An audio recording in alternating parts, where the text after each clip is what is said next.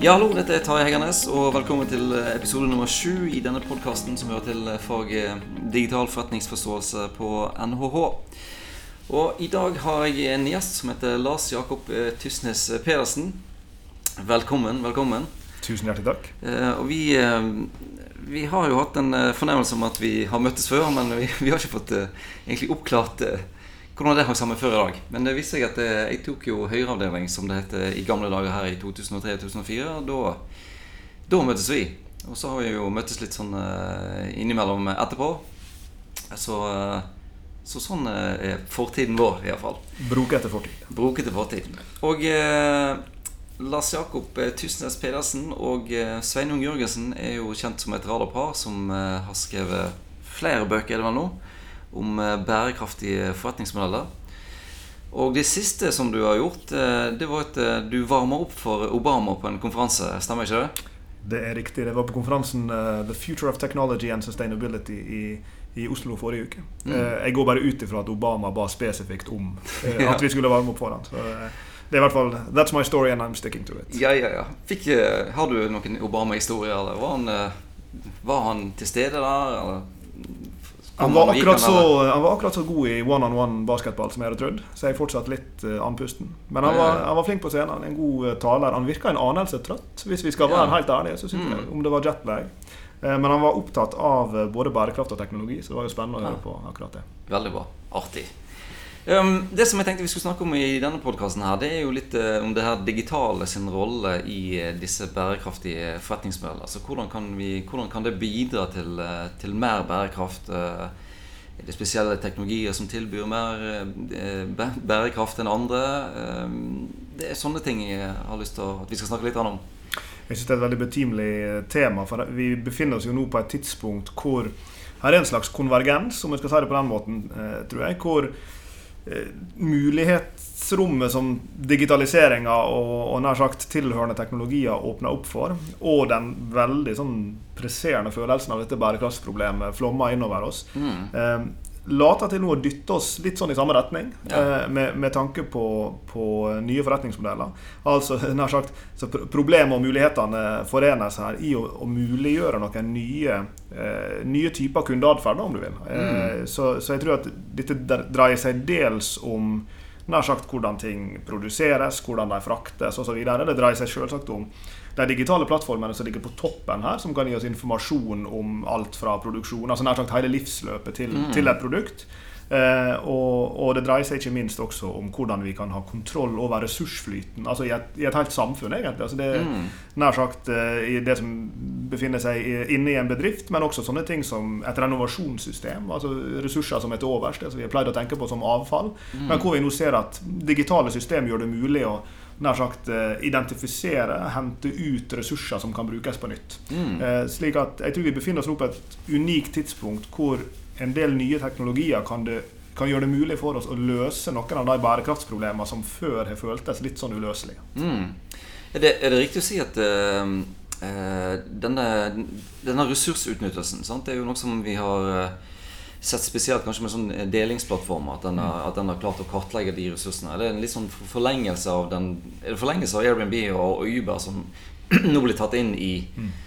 Er det avfallsproblematikken eller mer produksjonsproblematikken? Eller, eller er det begge deler? Si? Jo, altså jeg tror virkelig det er langs, langs hele kjeden, altså langs hele mm. livsløpet, om du vil. Jeg synes det, er, er særlig to, uh, to hovedområder nå som, som jeg syns er veldig interessante. Det ene det er jo det som ofte blir kalt for dematerialisering. Altså at mm. en del av de tingene vi har vært vant til å konsumere som fysiske produkt, eh, i større og større grad blir, blir digitaliserte og, og, dermed nær sagt ikke fysiske lenger. Mm. Eh, det gjør jo at veldig mange av tingene som altså Se for deg et kontor, f.eks. Alle tingene som på et kontor tidligere pleide å være fysiske. Det kan være faksen, og det kan være skanneren, mm. det kan være ditt og datt, som nå plutselig er nær sagt inne i smarttelefonene våre. Eh, og den dematerialiseringa den ser du både på slike hverdagslige ting, men du ser det også på større ting i, i produksjonsbedrifter og, og, alt mulig. Så den dematerialiseringa der den har jo gjort det mulig for oss å frakoble i alle fall et stykke på vei, kall det økonomisk vekst og fotavtrykk av den veksten. Altså at en mm. ser at en nå klarer å levere produkt og tjenester som har et lavere fotavtrykk, simpelthen fordi at de er mindre, mindre fysiske, de løsningene som, som ja, tilbys.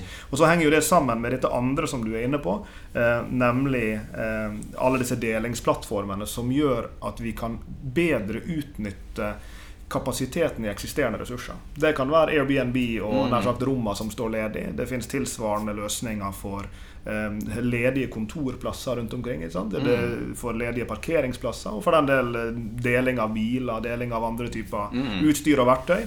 Og ikke minst ser vi at veksten av et sånt delingsparadigme som det begynner å dukke opp også i business-to-business-markedet. Altså sånn at en produsent, eh, en produksjonsbedrift f.eks. kan se at her er det utstyr vi ikke trenger å bruke hele tida. Vi kan dele det til og med med våre konkurrenter. Vi kan ha en sånn asset sharing-plattform som gjør at vi bruker disse tinga mm. eh, når vi trenger dem, og at andre kan bruke dem når vi ikke trenger dem. Mm. Det som jeg syns er, eh, er, interessant med det som vi ser nå, er at altså, tidligere så hadde så Tidligere så knytter vi ofte det her med økonomisk vekst sammen med utnytting av eh, knappe ressurser. Men Eh, men det som du ser nå, er det faktisk nå mulig å ha Økonomisk vekt er jo, det er jo blir et mål. Selv om vi gjerne skulle vekk fra det, så er det jo Vi tenker jo at vi skal ha kanskje litt mer å rutte med til neste år. Det, det, er nesten menneskelig å tenke sånn. Men er det eh, har, Vil du si at teknologien har gjort at det er mulig å ha litt større økonomisk vekst men med, med, med, mer effektiv ressursbruk, rett og slett. Absolutt. Og jeg tror at uh, det som vi ser, er jo at veldig mye av veksten knytter seg jo til tjenesteøkonomien, da, om du vil. Og det, og det, er jo litt sånn Det er jo et tegn på framgang, tenker jeg, i et, i et samfunn at vi nær sagt klarer sakte, men sikkert å komme oss vekk fra denne veldig inngrodde ideen om at uh, nær sagt forbruk er i en viss forstand nødvendigvis basert på eierskap. Mm. Uh, og dette er jo ikke bare i det delingsøkonomi, sånn som uh, i tilfelle Air, Airbnb eller altså tilsvarende, mm. uh, tilsvarende, modeller, men det dreier seg også om alt det som vi har vært vant til å konsumere i fysisk form som noe vi skal eie. Som, mm. hvor mange har ikke en, en, hylle full av DVD-er som, eller som mm. veldig mange ikke lenger bruker, fordi at f.eks. en tjeneste som Netflix har kall det overflødiggjort det her. Mm. Sånne som meg og deg er jo selvfølgelig kjelleren full av fysiske plater, og det er jo en annen kategori. De, de vil vi selvfølgelig alltid ønske å eie og, holde og lukte på og smake på. Eh, men vi ser jo at flere og flere produktkategorier som vi har vært vant til å tenke på som Selvsagt vil jeg eie en sånn. Mm. Det er ikke så selvsagt lenger. Og, og, min hunch er at med, nær sagt med den oppvoksende generasjon av kunder som vi ser nå, mm. så er denne ideen der ikke så selvsagt som man kanskje er for dagens voksne og, og eldre. da mm. eh, At vi nødvendigvis må eie alt som vi ja. Eh, bruker. Jeg har jo hørt også at eh, altså, når vi vokste opp, iallfall jeg vokste opp, så var det jo liksom Ta lappen det var liksom en av de store milepælene i livet. Men jeg, jeg, har hørt noe at eh, veldig mange er ikke så gira på å ta denne lappen lenger. Uh, både fordi de, Kanskje miljøhensyn, kanskje fordi de kommer seg rundt uansett. Kanskje fordi det ikke er så interessant å eie en bil. At, uh, jeg, husker den første bilen jeg kjøpte, det var jo litt, litt stas. Selv om jeg, det var mye trøbbel med den. Så Det, var sånn, det er sånn milepæler. Så det er kanskje en mer sånn vridning i samfunnet så, som du beskriver, at folk ikke er interessert. Og kanskje de ser for seg at Sjølkjørende biler kommer kanskje eh, om ikke altfor lenge uansett. Jeg tror du har helt rett. og akkurat dette med biler er jo et interessant case av mange grunner. Eh, og Bertel Osten eh, kom jo i litt sånn hardt vær. De er jo importør av biler. Mm. Og de gikk jo ut med en, med en annonse i avisen her til lands i fjor, tror jeg hvor det sto med store bokstaver over ei hel avisside eh, Den siste personen som skal ta lappen, har allerede blitt født. Ja. Noe i den duren, eh, og det er jo litt interessant i et sånn eh, kannibaliseringsperspektiv. Da, fordi mm. da biter de jo av sin egen fot i en viss forstand. For de sier at mm. antageligvis så vil ikke vi komme til å å kjøre lengre. Og by extension, akkurat som du sier, så vil vi antageligvis ikke komme til å eie biler. Disse bilene vil sikkert komme til å kjøre seg sjøl, så hvorfor skal vi eie dem hvis de skal kjøre seg sjøl? Da kan vi jo heller abonnere på en sånn mobilitetstjeneste som mm. gjør at på mandag skal jeg på fjellet, så da kan jeg bli plukka opp av en sjølkjørende sånn SUV som er god plass til ski. Tirsdag så skal jeg til stranda, så da kan jeg bli plukka opp av en liten sportsbil. Ja. Eh, liksom, hvorfor eie bilen hvis mobilitetstjenesten som en tilbyder eh, kan gi deg er, bedre, og som da gjør også at du slipper å binde opp veldig mye penger i å, å ha en bil stående som vi vet blir brukt i snitt 1 12 time i døgnet, og det sitter i snitt 1 12 person i bilen mens den blir brukt. Ja, ja. Altså er det massevis av overskuddskapasitet i en bilpark som det egentlig ikke gir mening for, for deg å eie, hvis ikke du har spesielt sterke sånne status- eller Ja, identitetsmessige grunner for å eie akkurat den bilen. Jeg er jo med i Bildelingen. Jeg syns jo det er helt eh, genialt. Og for min del så er det jo et eh, Gleden ved å ikke eie bil er ekstremt stor. Mm. For å slippe liksom å, å skifte dekk eller betale forsikring. Alt det der. Det er sånn der, jeg ville gjerne betalt ekstra for liksom å ikke kunne eie en bil, men å bare kunne bli transportert når, når jeg ville. Jeg tror akkurat denne mindsettet som jeg var inne på det i stad, det er at vi har vært vant til å tenke at vi skal eie det ene og vi skal eie det andre, men, men dette her er jo bare tillærte preferanser vi har.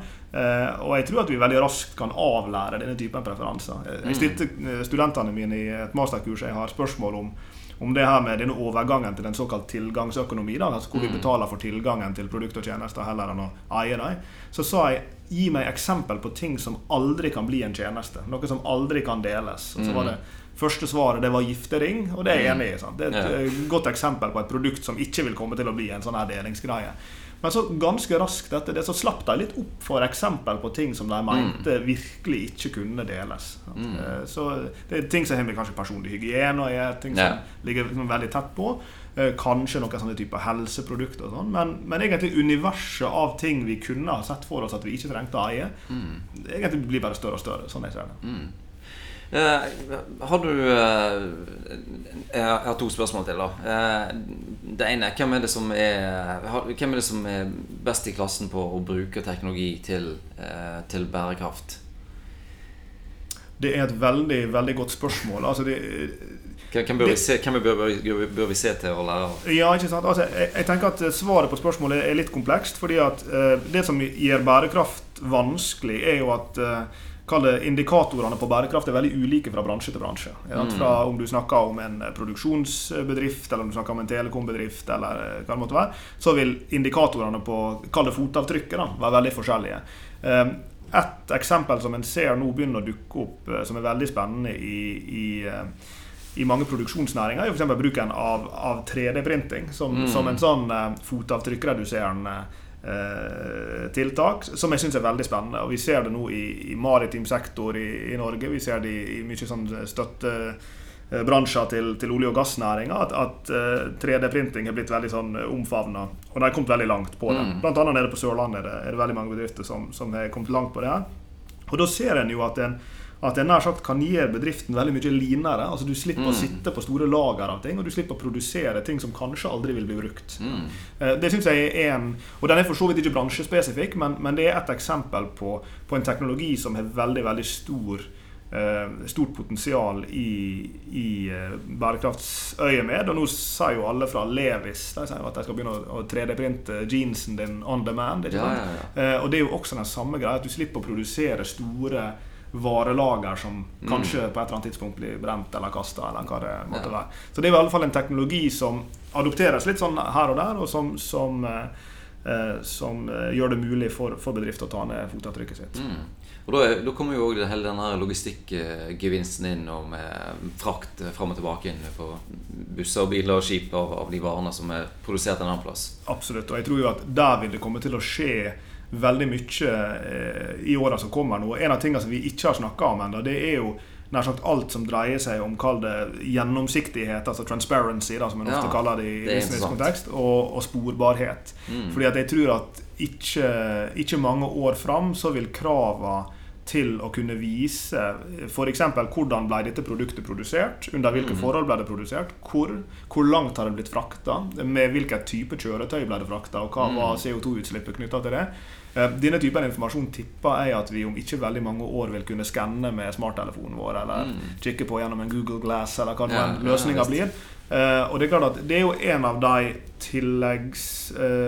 Uh, mulighetene som, som digitaliseringa gir, som kan gi en bærekraftsgevinst, gevinst, er Ja. at det vil være lettere for oss som kunder å gjøre informerte valg når all denne informasjonen blir tilgjengeliggjort, og forhåpentligvis etter hvert gitt til oss på en Kall det accessible måte. da Ja, ja, ja. Eh, Enten det nå er noe som du skanner, eller hva det måtte være. Mm. Vi vet at kunder kan bli overloada av for mye informasjon, så det må selvfølgelig presenteres på en måte som, Mm. som ikke nær sagt tar knekken på deg i butikken og skulle, skulle ta inn. Men jeg tror at det er en av de store innovasjonene som ligger foran oss. Det Mm. er at vi får en slags Kall det digital plattform, da, som gjør det mulig å sammenligne produkt på kryss og tvers for å se hvilke som har større og mindre Det kan være klimaavtrykk, vannavtrykk, eh, CO2-utslipp, you name it. Ja. Eh, det, øh, ser du for deg at blockchain er den teknologien som skal ta, vare på og sikre at denne informasjonen er riktig, eller?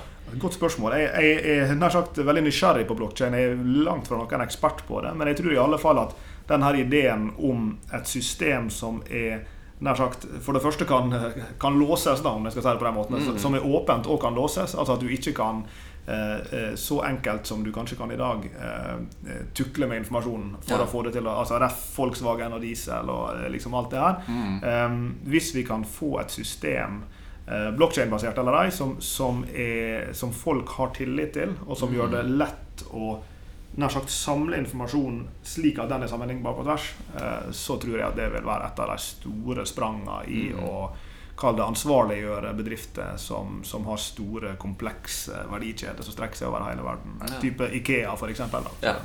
Jeg har jo fått en case på, på det der i boken min, som går på sånn øh, tunfisk fra Indonesia. Mm. Der det på en måte skissert hvordan den her skal Det det er et problem med, med slavearbeid i eh, Indonesia. Sånn at uh, du har ikke lyst til å spise tunfisk som er fanget av en slave.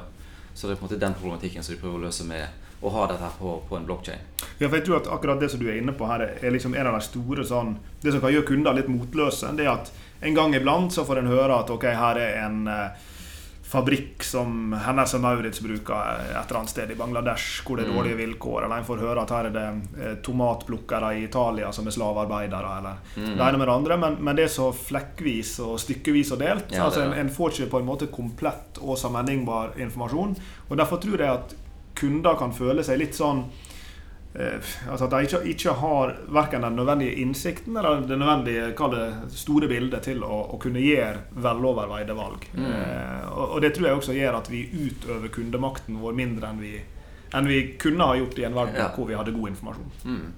Ja, også hvis du tar, i, hvis du tar eh, inn i betraktningen det her med den polariseringen som er i sosiale medier, at enten er alt supersvart, eller så er alt eh, blomster og eh, småfugler, sant? så er det det, det er vanskelig på en måte å, I den verden er faktisk vanskelig å, å orientere seg i. Mm. Så, så, um, så liksom å, å ha noe som faktisk er fakta, Det er akkurat og, det. Og, ikke, og ikke fake news. nettopp, jeg tror det er akkurat det her fake news-problemet som er Folk vet ikke hva de skal tro, de skal tro på, Nei, og, og hvor en skal gå for å få den eh, informasjonen. Mm. Og Jeg sitter faktisk i et utvalg nå eh, som er nedsatt av regjeringa. Det såkalte Etikkinformasjonsutvalget, som, som Mm. da skal utrede muligheten for å ha et slags rapporteringssystem. Det er jo kun for norske eh, bedrifter, da, hvor de vil måtte rapportere i så fall på eh, arbeidsvilkår og arbeiderrettigheter i sine verdikjeder. Mm. For å gjøre det eh, nær sagt mulig å ha en slags sertifiseringssystem eller et eller annet slags sammenlignbart system for, for disse tingene. Slik at du skal Mm. kunne se på ei T-skjorte eller en, eh, for den del en tomat og, og Mm. få vite eh, under hvilke forhold ble dette produktet tilvirka. Ok, eh, vi nærmer oss slutten. Jeg har siste spørsmålet. Det er jo eh, disse her studentene som eh, denne podkasten er lagd for. De har jo en eh, oppgave der de skal komme med noen eh, tiltak for eh, en bedrift. Og du vet jo hva slags bedrift det er, og kjenner godt til den. Men hvis jeg nå spør mer sånn generelt sett Hvis du er en liten bedrift, og du står oppe i det her med digitalisering, og du står oppe her med de krav om, om økt synbarhet og sporbarhet og økt bærekraft og sånne ting. Eh, går det an å si noe? Hvor, hvor starter du hen? Ja, det er et veldig godt eh, spørsmål. For, for det er klart at Noe av problemet med, eh, med små servicebedrifter da, av den typen som, som jeg vet bl.a. er case her, så er ikke det så lett å, å liksom leite fram fotavtrykket som det er for en fiskeoppdretter eller for en Mm. ikke transportbedrift, for den del. Eh, sånn at Da vil jo ofte fotavtrykket være, være litt mer sånn eh, Kall det implisitt. Men, men, jeg liker å tenke på dette i et litt sånn kall det økosystemperspektiv. da, Altså mm. Hvordan passer dette selskapet eller denne organisasjonen inn i liksom et puslespill av mange aktører? Og, og hva slags type impact har en på, på godt og, og, vondt der? altså hva, mm. eh, Min gode kollega Sveinung som du refererte til, han pleide å si eh, Eh, eller spørre studentene sine hvem ville blitt mest glad og hvem ville blitt mest eh, lei seg hvis denne bedriften forsvant. Mm. Og det er jo en sånn det er en slags proxy-spørsmål for å røyke ut ja, hva er de positive og negative fotavtrykkene som dette selskapet setter igjen. Ja. Både på samfunn og miljø. Og jeg liker den spørsmålsstillinga. Ja. Hvorfor ville noen ha blitt lei seg? Hvorfor ville noen ha blitt glad hvis plutselig denne aktøren forsvant fra mm. eh, det, kan, det, kan, fortelle oss noe om, om, et fotavtrykk. i alle fall. Så, så, det å begynne der og spørre seg om eh, hva er hva er fotavtrykket til den aktøren, er jo interessant. Mm. Ok, men Tusen hjertelig takk for tiden din her. Da uh, får vi håpe at dette her kan være nyttig, og at uh, hvis folk kan ta det her inn i oppgaver, så er det jo kjempebra. Og hvis ikke, håper jeg at uh, folk har lært noe uansett av podkasten, og det har iallfall jeg. Takk skal du ha. Takk skal du ha.